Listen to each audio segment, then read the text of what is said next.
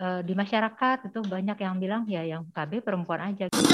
Tapi sayang sekali saat ini mitosnya itu atau banyak yang menyamakan bahwa pengikatan saluran sperma itu sama dengan kalau yang kita bilang itu dikebiri gitu ya. Padahal itu sebenarnya dua hal yang sangat berbeda gitu.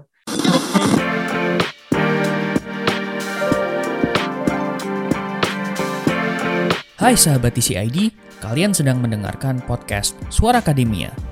Ngobrol seru isu terkini bareng akademisi. Halo sahabat ICID, selamat datang di podcast Suara Akademia. Minggu kali ini kita akan membicarakan topik yang lumayan seru dan juga uh, kayaknya bisa dipakai buat kehidupan sehari-hari gitu, baik buat yang sudah berkeluarga ataupun yang belum berkeluarga. Um, but first, let me introduce myself. Saya Muammar Syarif, podcast produser dari The Conversation Indonesia dan untuk episode kali ini masih direkam menggunakan Zoom ya, karena memang situasi di luar terlihat tidak apa-apa tapi sebenarnya masih mengancam. COVID naik lagi, jadi kita rekamannya menggunakan Zoom dulu. Untuk kali ini, kita akan membahas tentang yang namanya program keluarga berencana. Banyak yang uh, melihat bahwa program KB ini tuh kok kayaknya lebih banyak penetrasinya ke kaum perempuan saja. Tapi sebenarnya apakah program KB ini itu bisa diikuti oleh kaum laki-laki dan kira-kira bagaimana implementasinya, right? Sekarang uh, di Zoom kali ini kita sudah tersambung dengan dokter eh, dosen Fakultas Kedokteran dan Ilmu Kesehatan dari Universitas Katolik Indonesia Atmajaya, ada Mbak Mutiara Riani, biasa dipanggil Mbak Tia. Halo, Mbak Tia, apa kabar? Sehat? Halo, Mas Syarif, sehat. Terima kasih. Gimana kabarnya Mas Syarif? Alhamdulillah sehat.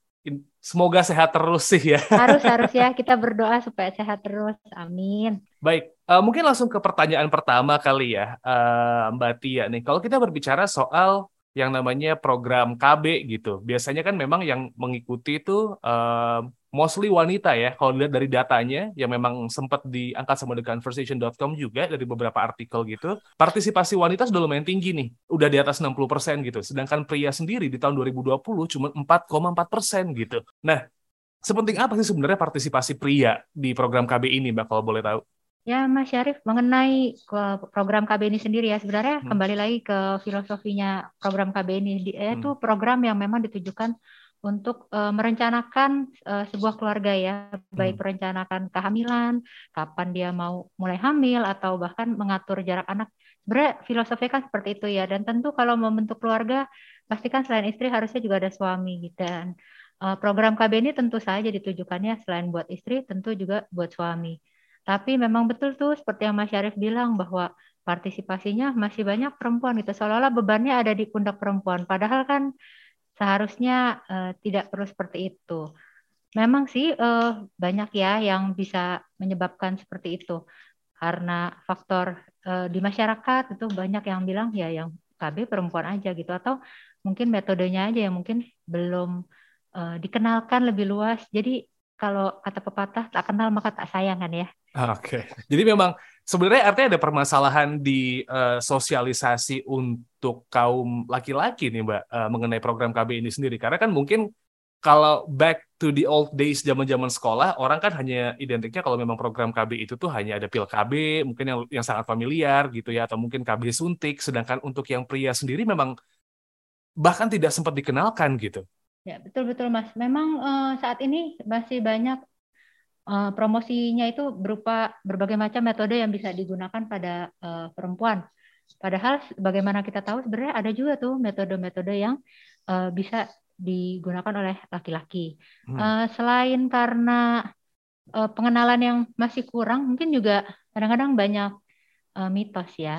Banyak mitos-mitos yang menyertai masing-masing uh, metode itu. Kan kalau saya boleh kasih penjelasan sedikit tentang metode ini, Mas. Hmm. Kalau yang buat pria itu uh, misalkan uh, suaminya diminta untuk pakai kondom gitu ya. Yeah. Atau bisa juga kalau yang jangka panjang dilakukan uh, pemotongan dan pengikatan uh, saluran sperma. Hmm. Tapi sayang sekali saat ini mitosnya itu atau banyak yang menyamakan bahwa pengikatan saluran sperma itu sama dengan uh, kalau yang kita bilang itu dikebiri gitu ya. Hmm. Padahal itu sebenarnya dua hal yang sangat berbeda gitu. Nah, jadi kadang-kadang karena masyarakat kita juga tentu saja backgroundnya saat ini masih lebih banyak yang mendengarkan kata saudara atau kata tetangga atau bahkan mungkin lebih percaya dengan mitos-mitos uh, atau info di media sosial gitu. Nah, itu saya rasa di situ sih Mas ya yang harus kita coba untuk uh, memperdalam lagi gitu pengenalannya. Oke, okay. tadi um, sempat nge-mention nih, it's a different thing gitu ya, antara kebiri sama uh, tadi kayak penghambatan jalur sperma gitu. Perbedaannya apa sih Mbak sebenarnya? Kalau yang dikenal dengan kebiri itu sebenarnya uh, penghasil hormon laki-laki atau mm -hmm. kita sebut sebagai testosteron, mm -hmm. itu uh, pabriknya diputup. Mm -hmm. Jadi seorang laki-laki ya mungkin secara fungsi seksualitasnya menjadi uh, tidak ada gitu ya. Mm -hmm tapi kalau yang kita kenal sebagai pengikatan saluran sperma atau bahasa medisnya vasektomi, mm -hmm. yang di yang diputuskan itu hanya saluran spermanya saja, tapi fungsi seksualitas yang dipengaruhi oleh hormon testosteron itu masih berfungsi dengan sangat baik. Jadi seharusnya uh, tidak perlu khawatir dan itu ya seperti saya bilang itu dua hal yang berbeda sekali gitu. Tidak tidak sama gitu ya dan kalau yang menjalani vasektomi tidak perlu khawatir fungsi seksualitasnya akan terganggu atau bahkan mungkin uh, membuat menimbulkan keluhan pada pasangan. Tapi yang uh, jadi lumayan tricky nih kalau kita berbicara soal uh, vasektomi gitu ya banyak banget nih kayaknya um, kaum pria gitu yang mungkin belum teredukasi dengan baik gitu, Mbak gitu ya. Jadi kayak masih takut, uh, masih deg-degan juga. Nah, sebenarnya ini tuh aman gak sih buat uh, pria kalau misalnya memang pengen melakukan vasektomi gitu? Karena kan banyak yang bilang aduh kalau aku vasektomi nanti kayaknya bakal bahaya buat ke depan-depannya nih atau misalnya bakal ada efek jangka panjangnya nih. Enggak kok Mas, kalau uh, prosedur itu sendiri nggak menimbulkan uh, masalah atau keluhan baik secara medis maupun fungsi secara sosial ya sebagai uh, laki-laki sebagai manusia gitu yang hidup uh, bersama-sama dengan orang lain.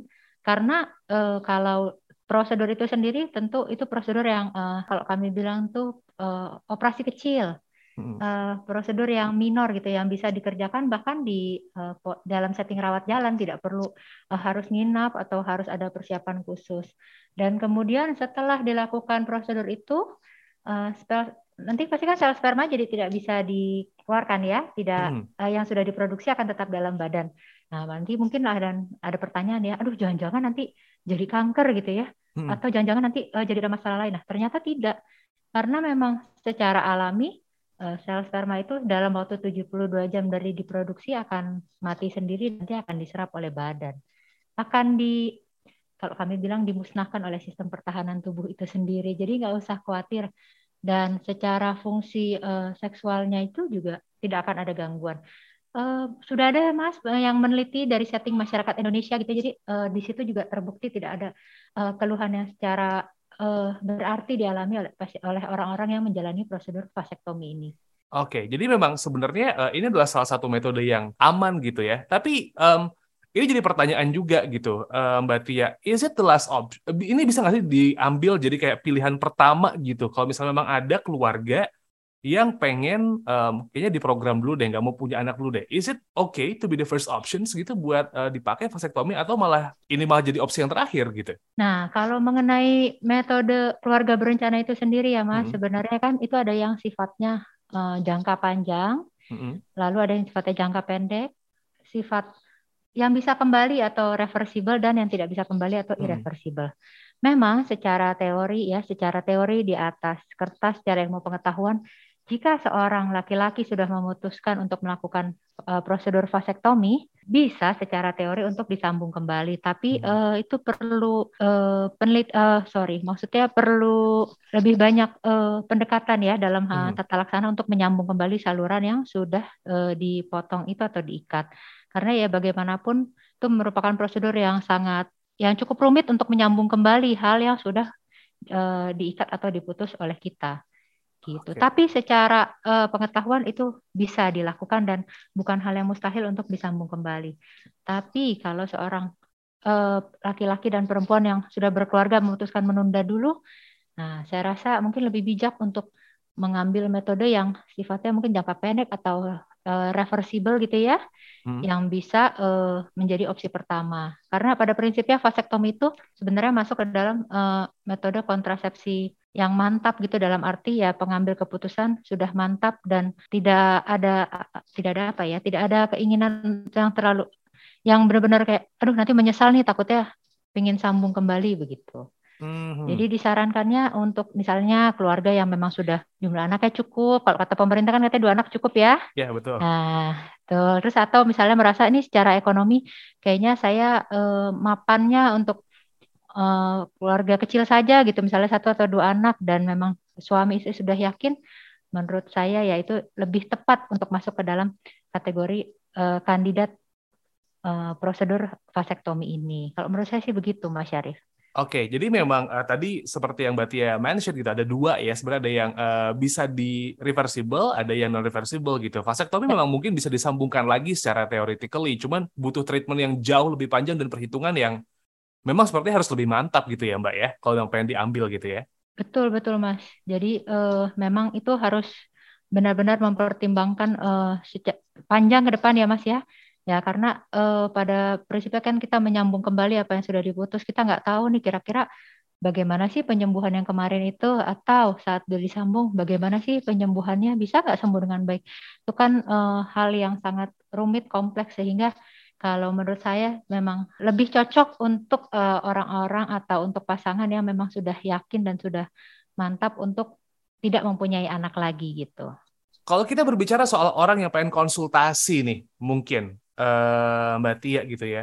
Ada nggak sih kayak misalnya step-stepnya gitu buat konsultasi pra operasi vasektomi atau mungkin kayak misalnya ada layanan konselingnya dulu sebelum akhirnya kayak uh, sang suami ini memutuskan kayaknya oke okay deh ngambil vasektomi gitu buat apa ya lebih mantep lagi lah buat mengambil ini. Kalau uh, sekarang saya tanya dulu sama Mas Syarif berarti hmm. pasangan ini udah yakin gitu mau me, tidak hamil lagi ke depannya tidak punya anak lagi atau dia masih mau masih bingung nih Mas menentukan kira-kira metode apa nih yang paling cocok buat kami gitu. Let's say memang pada akhirnya sudah memutuskan untuk kayak vasektomi deh gitu okay. buat di apa namanya buat ditutup gitu saluran dalam tanda ya, petik okay. gitu ya. Nah, iya iya. Ya. Uh, tentu bisa ya Mas kan sekarang uh, layanan-layanan kesehatan seperti ini ya uh, hmm. ke, kalau misalkan secara lebih spesifik mungkin ke spesialis urologi yang memang hmm. uh, mengerjakan vasektomi ini ya nanti bisa konsultasi kira-kira kayak apa sih gambarannya apa sih yang dikerjain dan kira-kira efek yang bisa saya alami apa sih seperti itu. Okay. Tentu uh, tentu dengan konsultasi itu kan jadi lebih yakin ya uh, bisa berdiskusi seperti itu. Nah, saya rasa ya Mas, kalau misalkan ditanya apakah lebih baik telekonsul atau konsultasi online atau bertemu tatap muka, nah sepertinya sih lebih enak kalau bertemu atau tatap muka nih antara pasien dengan uh, dokter yang akan melakukan prosedur itu supaya apa yang mau ditanya atau apa yang mau disampaikan juga bisa disampaikan. Kadang-kadang kalau online uh, takutnya malah salah tangkep gitu ya atau malah jadi hmm, tidak sesuai apa yang ingin disampaikan gitu. Mm-hmm. Oke, okay. jadi memang um, sebelum pada akhirnya memang uh, melakukan vasektomi, meskipun memang ini tadi uh, Mbak Tia mention adalah operasi yang ringan, bisa rawat jalan gitu ya, tapi mending ada step-stepnya hmm. datang ke dokter urologi dulu gitu ya. Habis itu juga mungkin konsultasi kira-kira apa yang harus dilakukan sebelum akhirnya operasi ini berjalan, itu will be good ya Mbak ya? Betul, betul. Dan juga kan menjalin ini ya, eh, menjalin hubungan baik, komunikasi yang baik itu dengan dokter yang akan melakukan prosedur itu dan juga pasien yang akan eh, menjalani prosedur tersebut. Jadi ada trust antara dokter sama pasiennya bisa bina raport dengan baik gitu, Mas. Oke. Nah, program KB untuk pria nih, Mbak. Kita mungkin balik ke program KB lagi ya. Ini kayak apa ya? Agak-agak asing mungkin di kuping hmm. bahkan saya sendiri gitu yang uh, orang awam gitu emang ada ya program KB untuk pria? gitu. Cuman kalau misalnya kita nge-refer nih ke negara-negara yang ada di luar negeri gitu sebenarnya udah ada belum sih penerapan program untuk pria gitu program KB untuk pria? Di negara lain itu udah ada belum sih? Terus impactnya kayak gimana nih mbak? Kalau di negara lain itu uh, sudah banyak ya mas uh, hmm. yang uh, menjalani prosedur KB untuk pria ini dalam hal ini secara khusus vasektomi ya. Hmm. Kalau di uh, secara global data global itu yang paling banyak Kanada. Mereka bilang okay. 20 sampai 30 persen. Tapi memang kalau di negara-negara di Asia Tenggara bahkan di Indonesia itu memang rendah hmm. cakupannya gitu ya di bawah 5 persen. Karena ya mungkin banyak faktor tadi saya bilang itu ya secara sosial juga bagaimana pendekatan masyarakat di suatu daerah, suatu negara tentu akan mempengaruhi populer apa tidaknya juga pilihan itu gitu. Tapi kalau secara impact eh, sama Mas, karakteristik yang di luar maupun di dalam negeri eh, sama-sama menyatakan bahwa itu adalah prosedur yang aman untuk dikerjakan, tidak eh, tidak tidak ada efek samping atau efek jangka panjang juga yang bisa dialami oleh pasien-pasien yang menjalani prosedur ini. Ah, oke. Okay. Nah, uh, ini berarti ya, kalaupun memang pada akhirnya nih um, negara gitu ya, pengen memang mungkin let's say menggencarkan lagi ngasih hmm. informasi tentang um, program KB untuk pria ini gitu. Langkah-langkah apa aja nih yang perlu diambil sama pengambil kebijakan nih berarti ya? Saya rasa yang pertama ya mengenai pembiayaan itu ya Mas. Hmm. Kalau memang dia bisa di uh, nyatakan tercover seluruhnya dengan menggunakan pembiayaan BPJS, saya rasa uh, secara penerimaan akan lebih baik lagi gitu. Mm-hmm. Karena kan mereka tidak perlu mengkhawatirkan mengenai pembiaya.